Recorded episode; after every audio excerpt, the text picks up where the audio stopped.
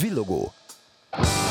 A lángoló podcastje. Sziasztok, ez itt a Villogó, egy újabb lángolós podcast, vagy mondhatnám azt, hogy egy új lángolós podcast. A jövő zenéjét azt reméljük, hogy már sokan ismeritek. Itt jövőkutatásról, társadalmi kérdésekről és arról szoktunk eszmét cserélni a vendégekkel, hogy ö, hogyan fogunk élni 5-10 vagy akár még több év múlva. A Villogó pedig inkább a múltba tekint, azon belül is a zenével kapcsolatos bűnesetekkel foglalkozik, és az első adásban kollégámmal Dankó Gáborral, aki a lángoló főszerkesztője. Üdvözlök én is mindenkit! Szóval együtt fogjuk kivesézni azt a sztorit, amikor Iggy Pop megmentésére sietett David Bowie és Dennis Hopper egy Los Angeles-i pszichiátriai intézetbe. Egyébként én Juhász Edina vagyok, a lángoló újságírója, és akkor csapjunk is bele. Előjáróban csak annyit, hogy a sztori annyira bizarr, hogy simán el lehetne képzelni ilyen vígjátékban, vagy ilyen abszurd filmbe is az egész jelenetet, amit majd el fogunk itt mesélni. Igen, tehát kezdjük azzal, hogy mikor is történik ez az egész. Ugye 1975-öt írunk, maga a sztori röviden annyi, hogy Iggy Pop éppen próbált leszokni a drogokról, ami ugye értelemszerűen azzal jár, hogy hiányoznak neki egy darabig a drogok, és ezen próbált neki segíteni a kedves barátai, hiszen egy barát ott segít, ahol tud, úgyhogy elhatározták, hogy ők viszont betörnek a pszichiátriai intézetbe, és visznek neki egy kis drogot. Ilyen a kedves barát. Ez önzetlen segítőkészség. Szóval 1975, és kérlek Gábor, hogy mondd el, hogy éppen ki hol tart a pályájában, karrierjében, ki az, aki ekkor már nagy sztár, ki az, aki nem. Iggy Pop éppen ott tart a karrierében, hogy... Hát, kényte... hogy tudjuk, vagy sejtjük, hogy hol tart a... Igen, ő kénytelen bevonulni a pszichiátriára, mert hogy annyira sok tudatmódosítót szedett magába, hogy el kellett döntenie, hogy börtön vagy pszichiátria. Egyébként zeneileg épp ott tart, hogy túl volt a második Stooges feloszlásán, az első feloszlás az 1971-ben volt, akkor egyébként a szünetben új barátra lelt Iggy Pop, David Bowie személyében, aki úgy gondolta, hogy megtolja a karrierjét, meg Iggy Pop is úgy gondolta, hogy jó az neki, hogyha egy akkora sztárral barátkozik, mint David Bowie, mert hogy Bowie akkor már gigantikus sztár volt az Egyesült Államokban. És annyira összebarátkoztak, hogy lemezt is akartak együtt fölvenni, de ez dugába dőlt, inkább a Stooges állt újra össze, írtak még egy lemezt, el is mentek turnézni, aztán pedig Iggy Pop annyira kiütötte magát, hogy nem lehetett tovább folytatni, így 1974-ben azt úgy is másodjára is feloszlott, eközben Bowie már a sokadik nagy lemezét adta ki, 1972-ben, amikor épp a barátságuk elején tartottak, akkor a Ziggy Stardust lemezen is túl volt, de gyakorlatilag ő abban az időben évente adta ki a lemezeket, volt mikor kettőt is, és így jutottunk el ugye 1975-ig, amikor Bowie éppen a Young Americans lemezét adta ki egyébként, és ez a kilencedik volt már a sorban. Hogyan került Iggy Pop a drogrehabilitációs központba? Önként, önként került önként oda. és dalolva? Igen, önként választotta azt, hogy inkább pszichiátriára vonul, vagy drogrehabilitációra vonul, mint hogy börtönbe kell menjen, mert hogy gyakorlatilag akkor ő már az utcán aludt sokszor, folyamatosan balhézott, de állítólag az orvosok se tudták megállapítani, hogy pszichésen mi baja is van. Igen, én ezzel kapcsolatban azt olvastam, hogy az őt kezelő orvos azt mondta, hogy neki úgy tűnt, hogy Iggy Pop annyira szeret játszani az agyával, hogy szeret addig eljutni, hogy már azt se tudja, hogy merre van a le és a fel, és hogy gondoltak arra, hogy lehet, hogy bipoláris depressziója van, de az orvosok szerint nem, hogy fogalmuk nem volt, hogy mi az, amivel ő küzd, de hogy nem bipoláris depresszió, az biztos. Azóta se tudják, hogy milyen betegsége, vagy milyen agya van Iggy Popnak. Furcsa. Maga, hát a színpadi megjelenése is ugye furcsa, nagyon jellegzetes, vad, egyébként ugye a Stooges-ban ők voltak gyakorlatilag a punk előfutárai, mert igazából ők hard rockot játszottak, de már egy olyan vad stílusban, olyan vad megjelenéssel, amit protopunknak nevezünk mostanában, ugye prototípusa a punk sztároknak, hogyha így akarunk fogalmazni. Állítólag ő annyira szeretett így ilyen különböző személyiségeket kreálni magának, hogy többször így a David Bowie-t is így túl bóvizta, tehát hogy kicsit így levette a stílusát, és hogy túl is tolta az egészet, és hogy ez egy ilyen dolog volt nála. Egyébként ez nem is hülyeség, ugyanis itt a balhé után, amiről majd még mesélni fogunk, de egy picit ugrunk előre az időben, ők 1977-ben tényleg elkezdtek együtt dolgozni lemezeken, méghozzá Berlinben, mindketten úgy látták, hogy a drogok elől lehet, hogy arra kéne elmenekülni, hogy áttették a székelyeket Európába, és Bovinak van egy úgynevezett Berlini trilógiája, aminek a nem hivatalos első lemezét azt Iggy Pop első szóló lemezének szokták mondani, szóval a barátság azért nem szakadt meg, szó, sőt, nagyon barátom. Hát, mert egy ilyen kis közös kaland, az még jobban összehozza a barátokat.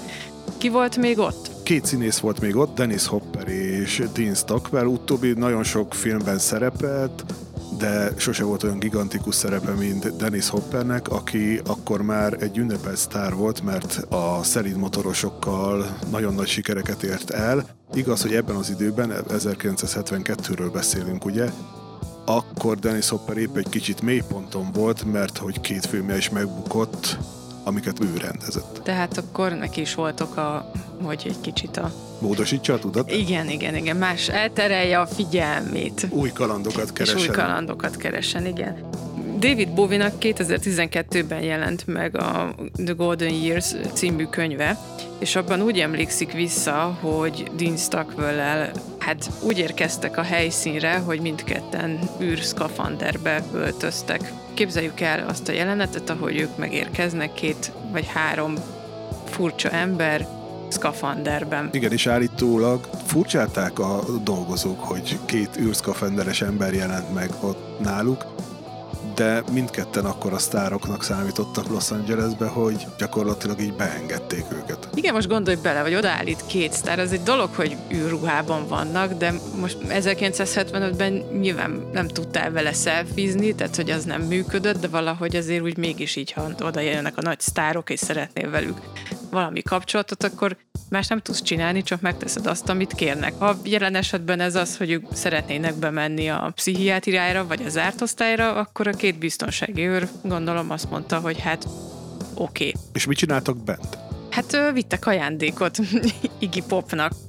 Ugye ő akkor éppen küzdött azzal, hogy nagyon szeretne különböző tudatmódosító szereket kapni, de hát a rehabilitációnak ugye az a lényege, hogy ne kapjon különböző tudatmódosító szereket, és azért úgy gondolták, hogy ha ő nem kap, tehát hogyha a hegy nem megy Mohamedhez, akkor Mohamed megy a hegyhez, vagy ahogy ez ebben az esetben történt, hogy ha ő nem kap tudatmódosító szereket, akkor majd visznek neki, és hát akkor nem fog annyira hiányozni. A gondolkodás valahol logikus, csak hát nem biztos, hogy ez volt Iggy Pop bent lakásának a célja. Szóval ott tartunk ugye a sztoriban, hogy megjelenik a két űrszkafanderes ruhás ember, és mivel, hogy nagy sztárok közlik, hogy ők szeretnének bemenni, meglátogatni a barátjukat, állítólag mindketten már nagyon készen voltak így az érkezéskor. Én ezt nem hiszem el. Szíjózanon is felvesz az ember őszkafandert és utazgat. Hát mondjuk, ha tél van, akkor végül is lehet az, hogy így egy kicsit az így és nagyon hideg van, de mondjuk nem hiszem, hogy Los Angelesben ez annyira jellemző, hogy röpködnek a mínuszok. Na mindegy, tehát, hogy ők így megérkeztek, és hogy azt kezdték el kiabálni ott az őröknek, hogy we want to see Jimmy, azaz Jimmy-t szeretnénk látni. Ugye James a keresztneve Iggy Popnak, a polgári keresztneve. Szóval ők bejutottak, és hát el is jutottak Iggy Pop szobájáig, ahol Iggy Pop nyilvánvalóan nagyon megörült a látogatóknak, és annak is, hogy nem pörköltet vittek neki kartedoros dobozban, hanem valami teljesen más kis csomaggal állítottak be. Tehát bementek, bevitték neki a drogot, és hát nyilvánvalóan aznap estére jobb lett egy kicsit a hangulat, és most itt felmerül a kérdés, vagy hát nyilvánvalóan mindenki, vagy minden hallgatónak hirtelen az jut eszébe, hogy hát ez nem biztos, hogy olyan jó ötlet volt, és valóban nem is volt jó ötlet, de a későbbi interjúk során Iggy Pop igazándiból teljesen pozitívan nyilatkozott erről a dologról, a barátságáról, David Bowie-ról, és mindig azt mondta, hogy neki David Bowie, és egyébként ez a jelenet is, annyi energiát, annyi erőt és akaratot adott, hogy túlélje azt, hogy bent van és hogy le kell jönni a drogokról, hogy tulajdonképpen ez segítette át. Fura, meg ugye mindig ez van, hogy a cél szentesíti az eszközt, tehát nyilván itt is egy kicsit egy ilyen nehéz dolog ebbe pozitívumot találni, de Iggy Pop visszaemlékezései során folyamatosan azt mondta, hogy őt ez a jelenet, vagy ez az egész dolog itt nagyon sokban segítette, hogy le tudjon jönni a drogokról. Egyébként utána az ő élete hogyan, mert mint hogy az ő ilyen drogos karrierje hogyan alakult?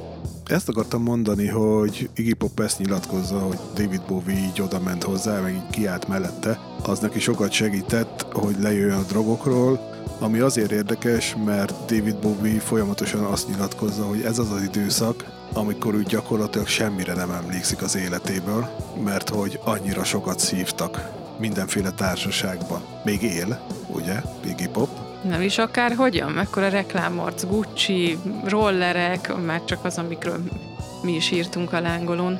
Igen, van egy papagája, hogy is Biggie Pop. Biggie Nagy Pop. rajongója vagyok Biggie Popnak. Szóval ott van Biggie Pop, él és virul, olyan, mintha teljesen fiatal lenne, pedig hát már nem fiatal, ő se. Hát sajnos David Bowie-ról tudjuk, hogy ő elhunyt 2016-ban, nem hozták összefüggésben a halálát azzal, hogy hogyan élt, de Iggy Pop a nagy túlélő, aki most már gyakorlatilag azt csinál, amit akar, mert hát ő Iggy Pop, ha akar jazzlemezt csinál, akar újra popfeldolgozásokat csinál, szóval él és virul, valószínűleg tök boldog, Jól van, és hogyha ehhez az kellett, hogy a barátai betörjenek egy pszichiátriai intézetbe, űrruhában, és az őröket hát nem is kijátszva, de igazándiból az őrök segítségével, akkor ez megérte. Igen, legalább egy jó sztorink is van ebből az egészből. Ez volt az első adásunk. És lesz még ilyen sok a villogóba. És folytatjuk. Köszönjük, hogy velünk voltatok. Sziasztok! Sziasztok! Ez volt a Villogó